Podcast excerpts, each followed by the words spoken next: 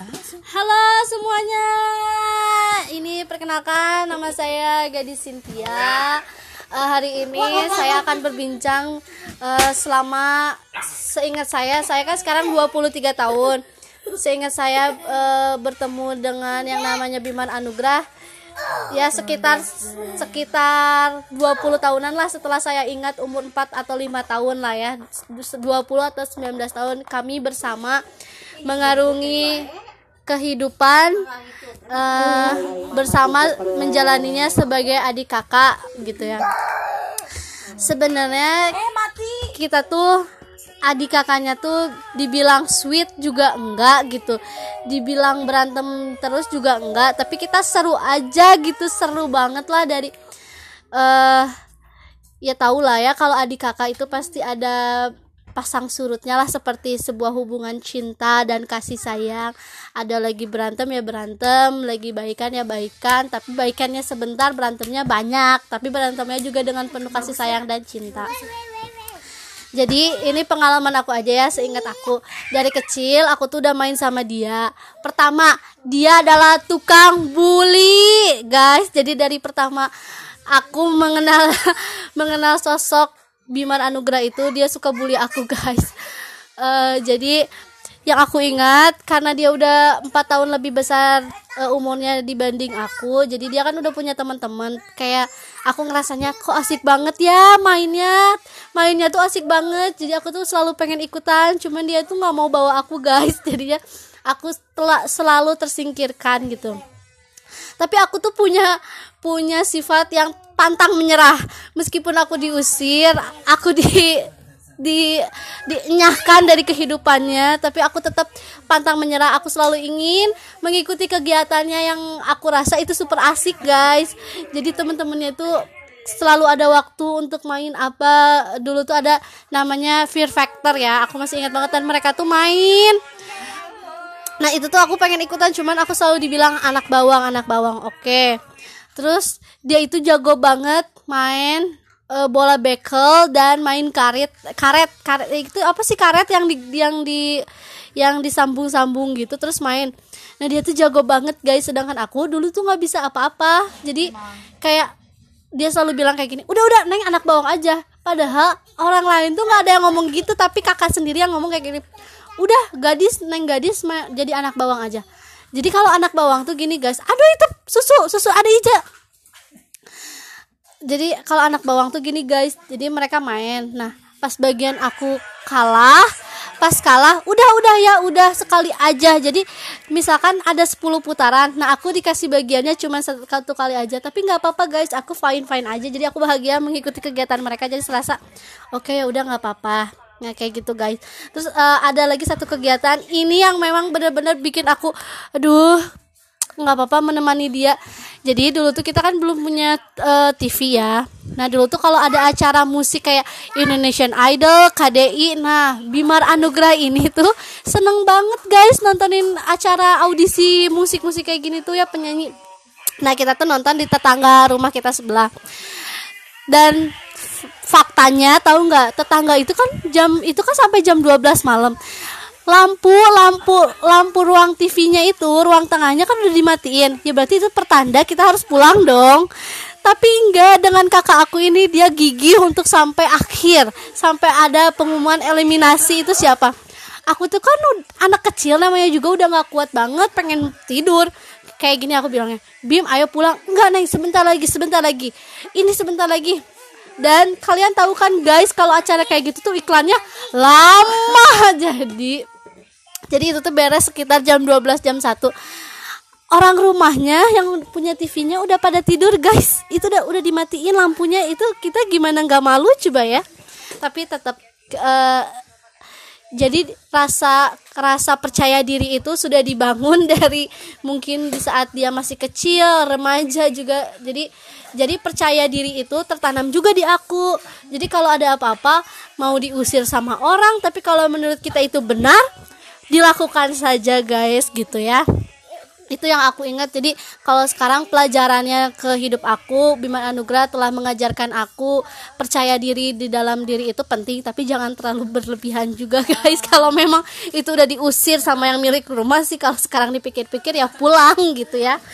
Nah itu. Tapi tahun tahun-tahun berikutnya alhamdulillah ada rezeki untuk membeli televisi. Akhirnya kita memiliki televisi sendiri. Nah seperti itu Terus guys, aku juga mau cerita gimana sih karakter Bimar Anugrah hingga sekarang ini kalian tahu sendirilah gimana kalau yang temen deketnya Bimar pasti udah tahu Bimar tuh kayak gimana banget. Nah, itu tuh udah dia uh, building ya, dia bangun, dia bangun dari zaman dulu guys. Jadi dulu tuh ada 17 Agustusan. Aku inget banget dia tuh orangnya kompetitif banget. Nah itu juga jadi jadi uh, pelajaran bagi aku bahwa kompetitif itu seru gitu ya. Jadi kalau di dalam hidup ini kita nggak kompetitif itu nggak seru. Jadi dia tuh selalu kayak gini 17 Agustusan. Dia tuh pokoknya selalu ingin jadi yang terbaik di antara yang terbaik. Azan lah terus hafalan ayat-ayat uh, surah yang pendek gitu ya. Dia selalu adalah juara satu dua kayak gitu gitu terus yang seru lagi gini guys kan kalau lagi 17 Agustusan itu ada makan apa sih ngabisin makanan. Nah ini kan di kerupuk makan-makan cepetan kerupuk. Ini mah bukan ini digantinya sama simping. Kalau di daerah aku tuh simping yang kalau dimakan abis yang e, rambut nenek tuh biasanya kan ada tuh yang kayak gitu. Nah itu namanya di daerah aku tuh simping namanya Nah jadi kalau makan simping itu kan seret ya guys, itu benar-benar kering. Terus kalau seret satu-satu tuh sakit ke ke ujung-ujung bibir tuh itu sampai bisa jadi sariawan gitu loh. Kalau bahasa Sundanya tuh tatoalan sampai bisa tatoalan gitu. Nah pinternya Bimar ini ya, pinternya dia orang mau dimakan satu-satu, dia enggak dong. Dia di remes-remes sampai bubuk dan hop dimasukin ke mulutnya. Jadi dia juara satu dong guys. Itu itu sekitar dia kelas 4 lah kelas 3 kelas 4 lah ya kelas 4 kelas 5 masih SD kayak gitu guys. Dengan lehernya yang panjang dan kepalanya yang pelontos itu aku masih ingat banget dia dengan hop hop hop kecepatannya. Dia berpikir seperti apa nih? Saya harus menang memenangkan kompetisi ini dengan bagaimana caranya? Karena di situ tuh emang nggak ada caranya kan? Orang-orang tuh bilang eh licik bim licik terus si panitianya bilang enggak enggak licik kan ini gimana caranya? Pokoknya habis duluan aja gitu. Udah ini ini makan cepet simping. Nah yang kedua guys makan pisang jimbluk. Kalau yang tahu pisang jimbluk itu segede gimana? Aku nggak tahu sih di daerah lain nama pisang jimbluk ini apa. Pokoknya pisang jimbluk itu uh, gede banget buntet gitu loh buntet ya gede banget lah itu mah ya. Nah itu tuh agak seret juga sih soalnya nggak kayak pisang ambon lumut gitu yang panjang gitu kan. Nggak ini mah gede buntet. Nah orang makan dimakan santai kunyah kunyah kunyah kunyah. Ini mah enggak dong. Dibuka semua langsung di hop hop hop dimasuki semuanya ke mulutnya itu. Sampai orang-orang bimar bimar itu. Ya, enggak dia terus melanjutkan perjuangannya. Padahal kan guys kalau dipikir-pikir sekarang ya itu bisa bahaya banget ke dia ya keselak gitu. Sampai sampai kehabisan napas atau apa enggak. Tapi akhirnya dia memenangkan kompetisi itu. Ya pokoknya dia uh, aku selalu bilang ke teman-teman aku uh, yang tahu teman aku temen eh teman aku tahu Mbim tuh bilang kalau Mbim tuh dari dari hidupnya yang aku tahu dia tuh kayaknya selalu juara gitu nggak pernah merasakan kegagalan di dalam hidupnya. Jadi itu tuh pembelajaran bagi saya gimana caranya di dalam kehidupan ini meskipun kita gagal jatuh tapi harus tetap bisa bangun lagi bangkit lagi kayak gitu. Uh, mungkin saya juga melihatnya yang senang-senang aja di dia kayak dia juara ih asik ya dia juara ini juara itu juara ini juara itu. Tapi di di balik itu semua mungkin ada perjuangan yang lebih keras lagi uh, dari uh, diri Bimar sendiri gitu ya. Nah terus kesan dan pesannya selama menjadi adiknya selama 23 tahun ini uh, yang pertama jujur dari dalam hati saya sebagai adik merasa bahagia dan senang bisa memiliki kakak seperti dia meskipun dia sedikit cerewet keras terhadap saya. Uh, mungkin itu semua bisa membangun diri saya jadi sedih ya. Membangun diri saya yang seperti saat ini.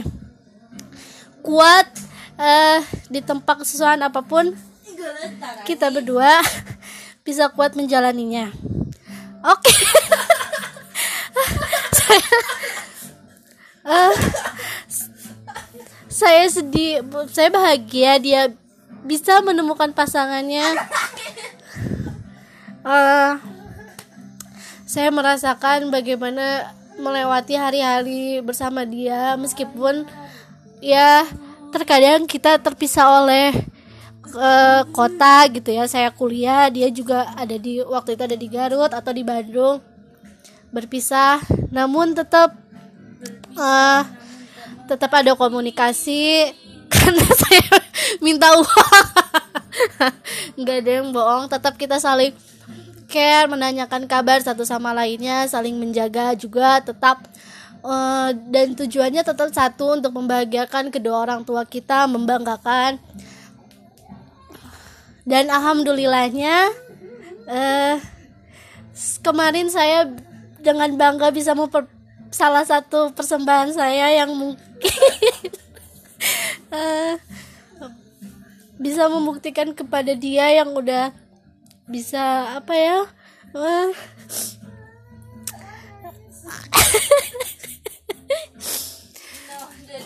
berjuang untuk menyelesaikan studi saya meskipun saya sekarang belum bisa membuktikan saya bekerja di mana tapi saya bisa membuktikan bahwa saya studi saya selesai dengan nilai yang alhamdulillah memuaskan untuk saya, dia dan kedua orang tua saya. Karena saya merasa uh, adanya saya menjadi seorang sarjana sekarang adalah salah satu kerja kerasnya dia untuk bisa menyekolahkan saya hingga di perguruan tinggi. saya mengucapkan terima kasih banyak. Uh, saya tahu belum bisa membalas semua kebaikannya. Mudah-mudahan Allah yang bisa membalas semua kebaikannya mudah-mudahan Bim bisa dalam lindungannya terus bisa dalam kehidupannya yang sekarang yang baru bersama uh, istrinya bisa menjalani kehidupan yang baik. Um,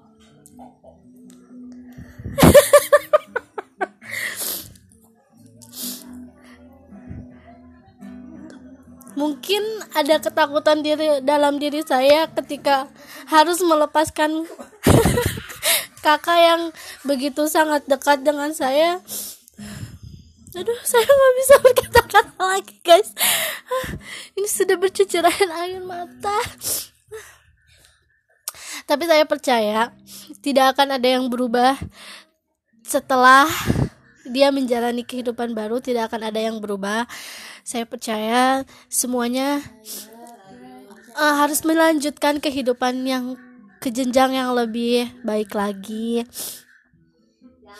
Akhirnya selama dia menunggu-nunggu mana jodohnya mana jodohnya? Yay finally menemukan jodohnya. Saya hanya bisa berdoa ya Allah semoga diberikan jodoh istri yang solehah yang bisa menemani Mbim yang bisa menerima Mbim dengan segala kekurangannya. Karena kalau kelebihan mah pasti bisa diterima tapi dengan dengan semoga istrinya bisa menerima kekurangannya Mbim seperti saya bisa menerima kekurangannya dia ya. Kayak menemaninya Bim uh, memahami segala karakter sifat keras dan baiknya Bim seperti apa? Semoga itu yang bisa saya doakan dalam setiap sholat saya dalam setiap sujud saya. Semoga selalu selalu sehat diberikan rezeki untuk um, membina membina keluarga yang sakinah mawadah warohmah. Dan tentunya tidak lupa terhadap keluarga ya mama bapak neng gitu. Oh jadi uh, aku tuh dipanggil sama Mbim tuh Neng. Terus aku bilang ke Mbim Mbim karena gak pakai kakak atau apa jadi sangat erat gitu ya. Per, uh, adik kakak kita tuh sangat erat sekali. Rasanya rasanya kalau ditanya tinggal beberapa hari lagi Mbim menuju akad nikahnya hmm, senang bercampur bahagia dicampur sedih juga. Uh, ya jadi inget zaman dulu lah ya waktu pas kita masih kecil gitu.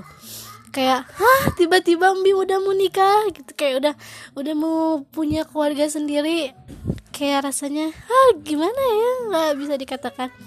Ingat kita beli beli apa tuh? Beli beli itu beli minyak tanah ke Padang pakai kompan seliter kompannya dibeledak beledak beledak beledak itu inget banget atau enggak uh, nganterin cucian mama karena mama dulu uh, kerjaannya kalau sekarang mah laundry kalau dulu mah buruh cuci ya kita kanterin pakai keranjang gitu ke Bu Hari tok tok tok tok. Terus kadang kita suka gini neng neng aja neng bilang. Karena kadang ter suka ada rasa malu gitu di dalam diri anak-anaknya mungkin ya. Neng aja sok ngetok neng ngetok katanya gitu. Terus neng neng aku juga gak mau kayak bim aja tuh bim gitu. Akhirnya ya udah kita bareng-bareng bersama menjalani kehidupan itu terus kan terkadang kata mama bilang aja uangnya belum tapi kita kan suka keluh gitu ya di dalam bibir tuh. Aduh masa dibilang harusnya mah yang yang ngasih cucian teh sadar gitu belum bayar gitu ya. Tapi jadi akhirnya aku memberanikan diri. Bu kata mama uangnya belum. Oh iya gitu. Akhirnya itu oke okay, kita dengan bahagia berapa ya waktu itu? Sekitar sepuluh ribu lah sepuluh ribu apa lima belas ribu gitu. Bahagia membawa uang itu ya menyusuri gang gang-gang kecil akhirnya sampai ke rumah. Dengan bahagia kita kasihin ke mama gitu ya. Terus uh, kalau aku kan sifatnya kalau punya uang langsung habis. Kalau dia mah enggak gitu. Kalau jadi aku tuh terkadang sirik eh kok Mbak masih punya uang sih? Padahal kita tuh uangnya sama dikasih uang jajannya tuh 500 gitu. Tapi kalau dia tuh 500 itu bisa disimpan jadi pas di hari keberapa dia misalkan jadi punya uang 5000 10000 gitu sedangkan aku habis. Terus pas dia membeli sesuatu jadi aku kayak Bim kok punya uang dari mana? Padahal ya namanya juga anak kecil.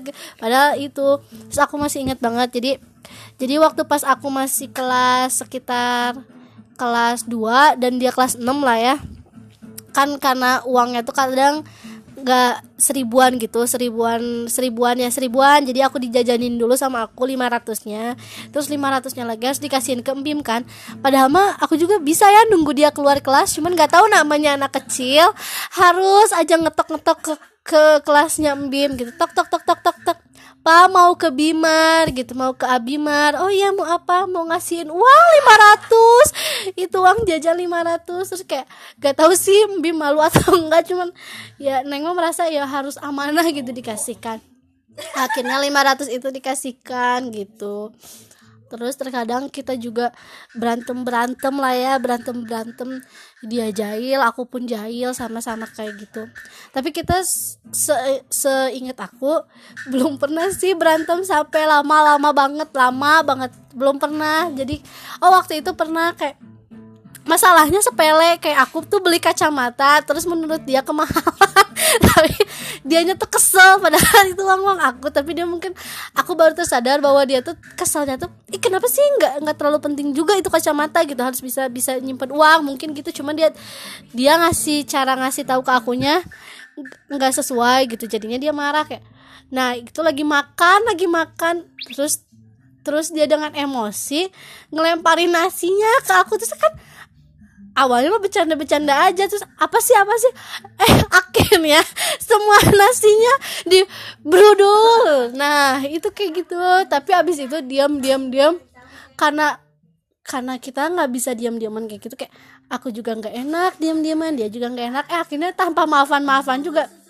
Akhirnya kita ya udah baikan lagi gitu biasa lagi aja. Biasa kayak dia uh, apa ini nguntel-nguntel lagi rambut aku kayak gitu. Terus nyuruh-nyuruh aku pakai pakaian seksi terus jalan seperti itu. Atau enggak kalau ada make up ya di make upin atau apa pun itu. Seru. Banyak pengalaman yang didapatkan uh, dari Mbim. Meskipun itu kadang tidak tidak secara langsung gitu ya tersirat gitu. Tapi aku tahu bahwa di dalam lubuk hatinya yang paling dalam dia sangat menyayangi aku. Aku percaya itu meskipun gak tahu sih ya terkadang dia juga gengsi bilang aku nggak sayang nggak sayang tapi pasti sayang banget dalam dirinya. Ya iyalah kalau nggak sayang mah nggak akan dibiayain ya. Iya kan kayak gitu. Terus uh, dia suka bilang aku jelek jelek nggak pasti itu dia bilang adikku tercantik di dunia ini.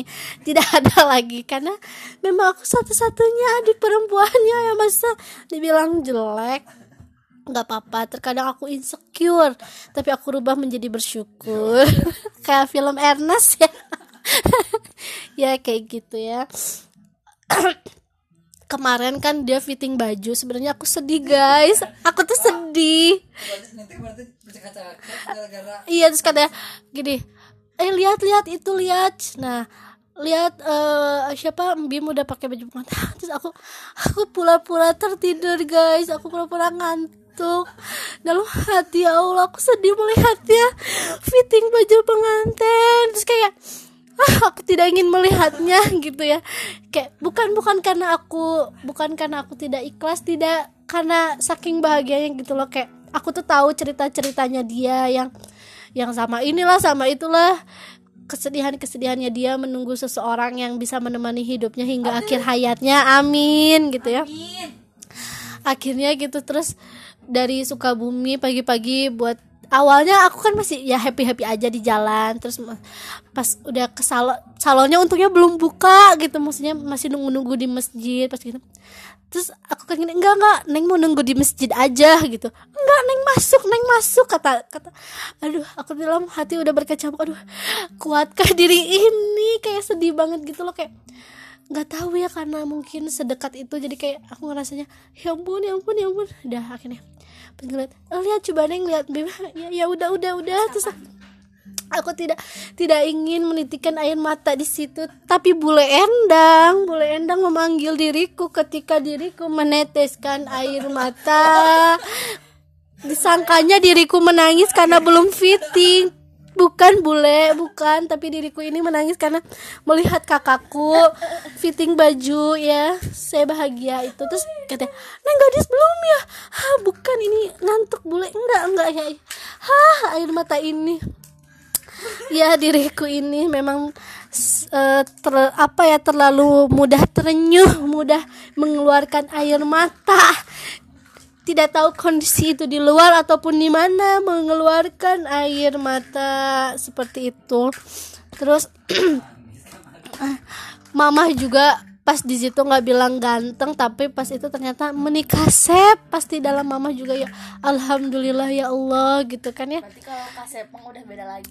Apa ya pasti ya mama juga bisa merasakan kayak ya Allah membesarkan Bim hingga 27 tahun akhirnya mengantarkan Bim ke pelaminan gitu mengantarkan Bim fitting baju tuh rasanya sedih lah ya gitu sedih tapi bukan sedih sedih apa gitu sedih sedih bahagia. Pasti semua keluarga di sini juga bahagia melihat Mbim bahagia.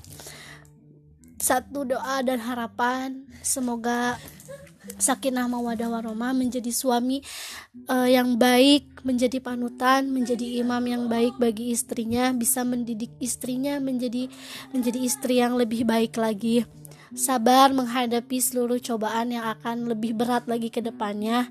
Pasti itu akan menjadi cobaan uh, di dalam rumah tangga pasti akan ada cobaan yang lebih besar lagi. Meskipun aku belum belum berumah tangga, cuman kata orang sih kayak gitu ya, kasta ustad ustad ustazah gitu. Seperti itu sih guys ya.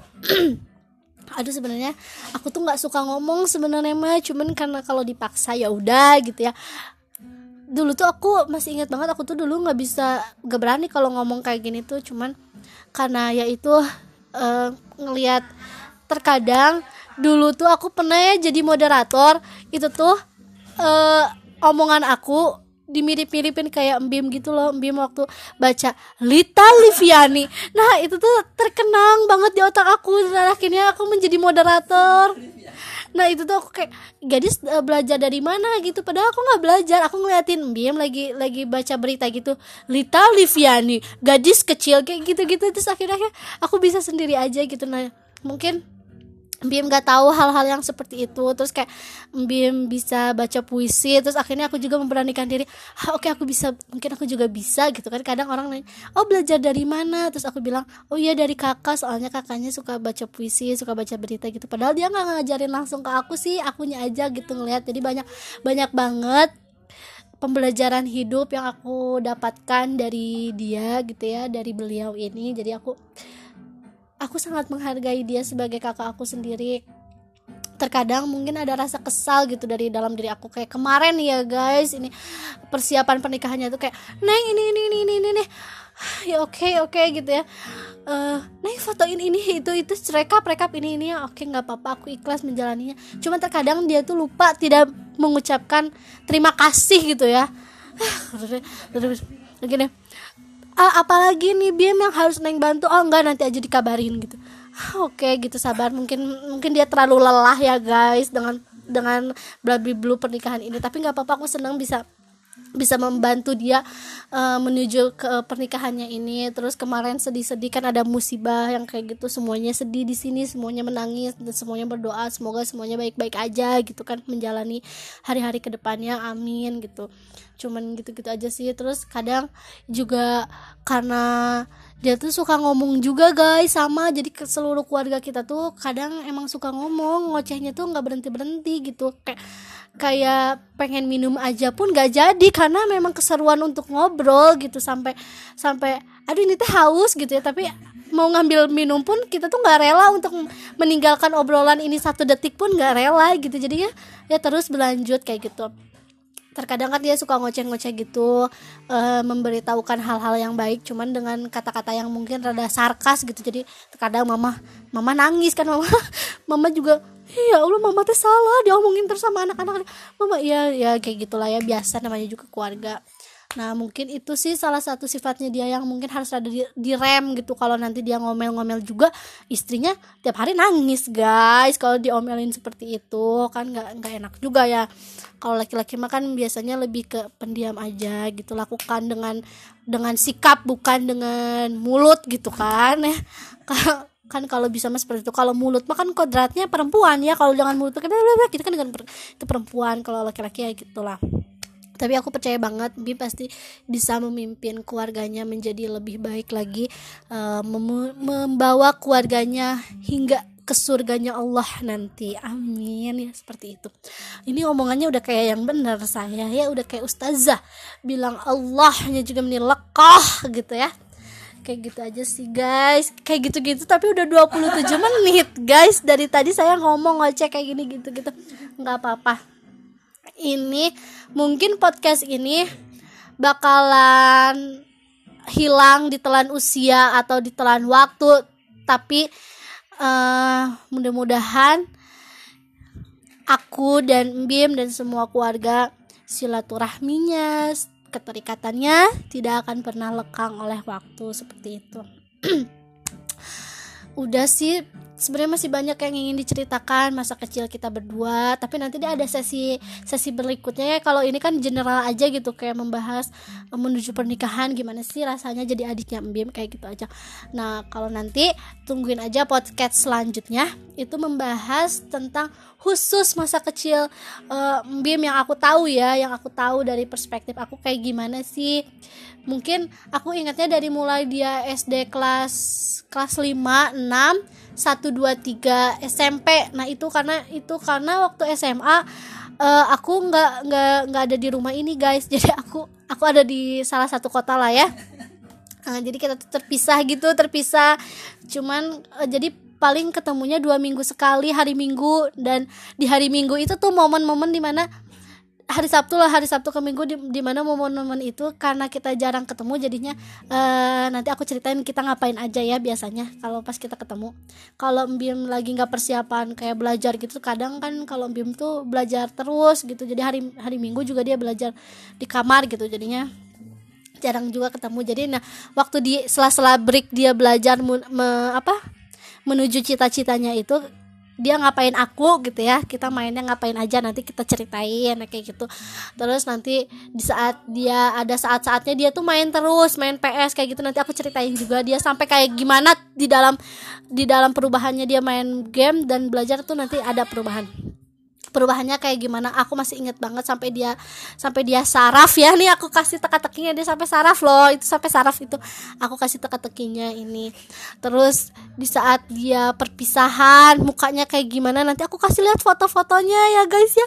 Sebelum transformasi dia seperti sekarang yang glow glowing gitu kan. Jadi uh, kasep lah sekarang. Maya ganteng gitu kalau dulu mah. Sebelum dia seperti ini juga dia ada masa-masa jadi gepeng. Kalian tahu nggak gepeng? Gelandangan dan pengemis guys itu ya.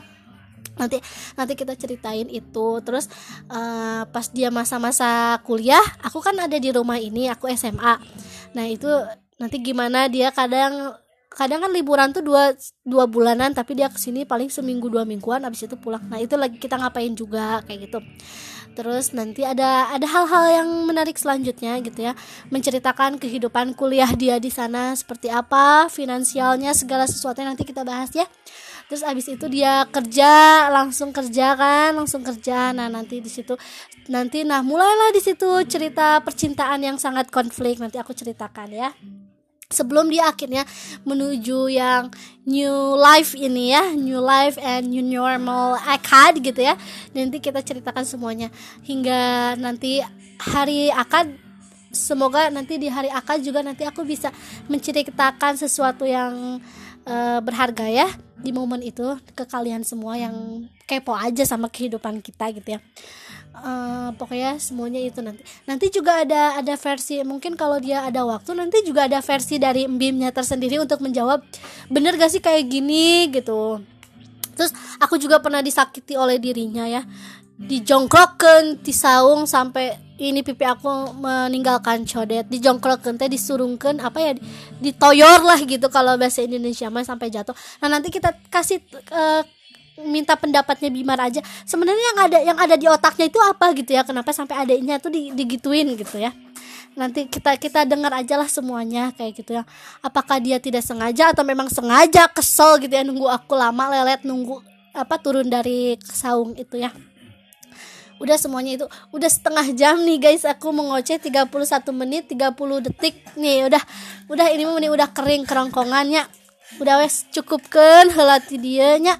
Kawan-kawan kalau misalkan nanti nggak ada ada yang nggak nggak ngerti dengan tadi kata-kata bahasa Sunda atau itu Google aja Google Translate ya. Dada ini mah orang Sunda itu gimana lagi gitu ya. Nah udah pokoknya segitu aja. Tetap stay tune di podcastnya podcast kita. Mari mari mari happy ya. Jangan lupa uh, pokoknya mah share ke teman-teman podcast ini. Podcast apa? Podcast kita. Eh podcast ini Pak Baletot. Podcast. Podcast kita. Kenapa kita ada nanti aja kita bahas ya. Pokoknya mah nanti kita bahas. Kenapa saya namain ini podcast kita? Nanti kita bahas selanjutnya di di podcast yang perkenalan podcast kita. Oke okay, nanti Oke, udah segini dulu aja. Selamat pagi, selamat siang, selamat malam. Waktu Indonesia Barat, Timur, Tengah yang ada di New Zealand, di Amerika bisa dengerin ini. Tapi orang Indonesia soalnya belum ada versi yang Inggrisnya. Nanti nanti dibuat versi Inggrisnya ya.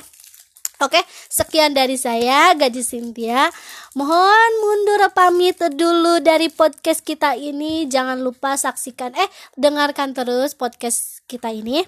Jangan Setiap hari kalau Senin, Kamis. Nah, etate diupload Senin, Kamis diupload. Jamnya belum tentu. Nanti aja lihat lagi ya. Jangan lupa follow IG. Oke, IG-nya Cynthia Gadis, Pawoneng Gadis boleh. Anugrah Bimar, Azkia SR itu. Azkia. Iya, iya, pokoknya mah nanti ada bintang tamunya juga kita bahas juga tentang masalah perspektif budaya, sosial, ekonomi, uh, politik dan hukum. Saya bisa menyelesaikan semuanya ya. Oke, udah wassalamualaikum warahmatullahi wabarakatuh. Bye.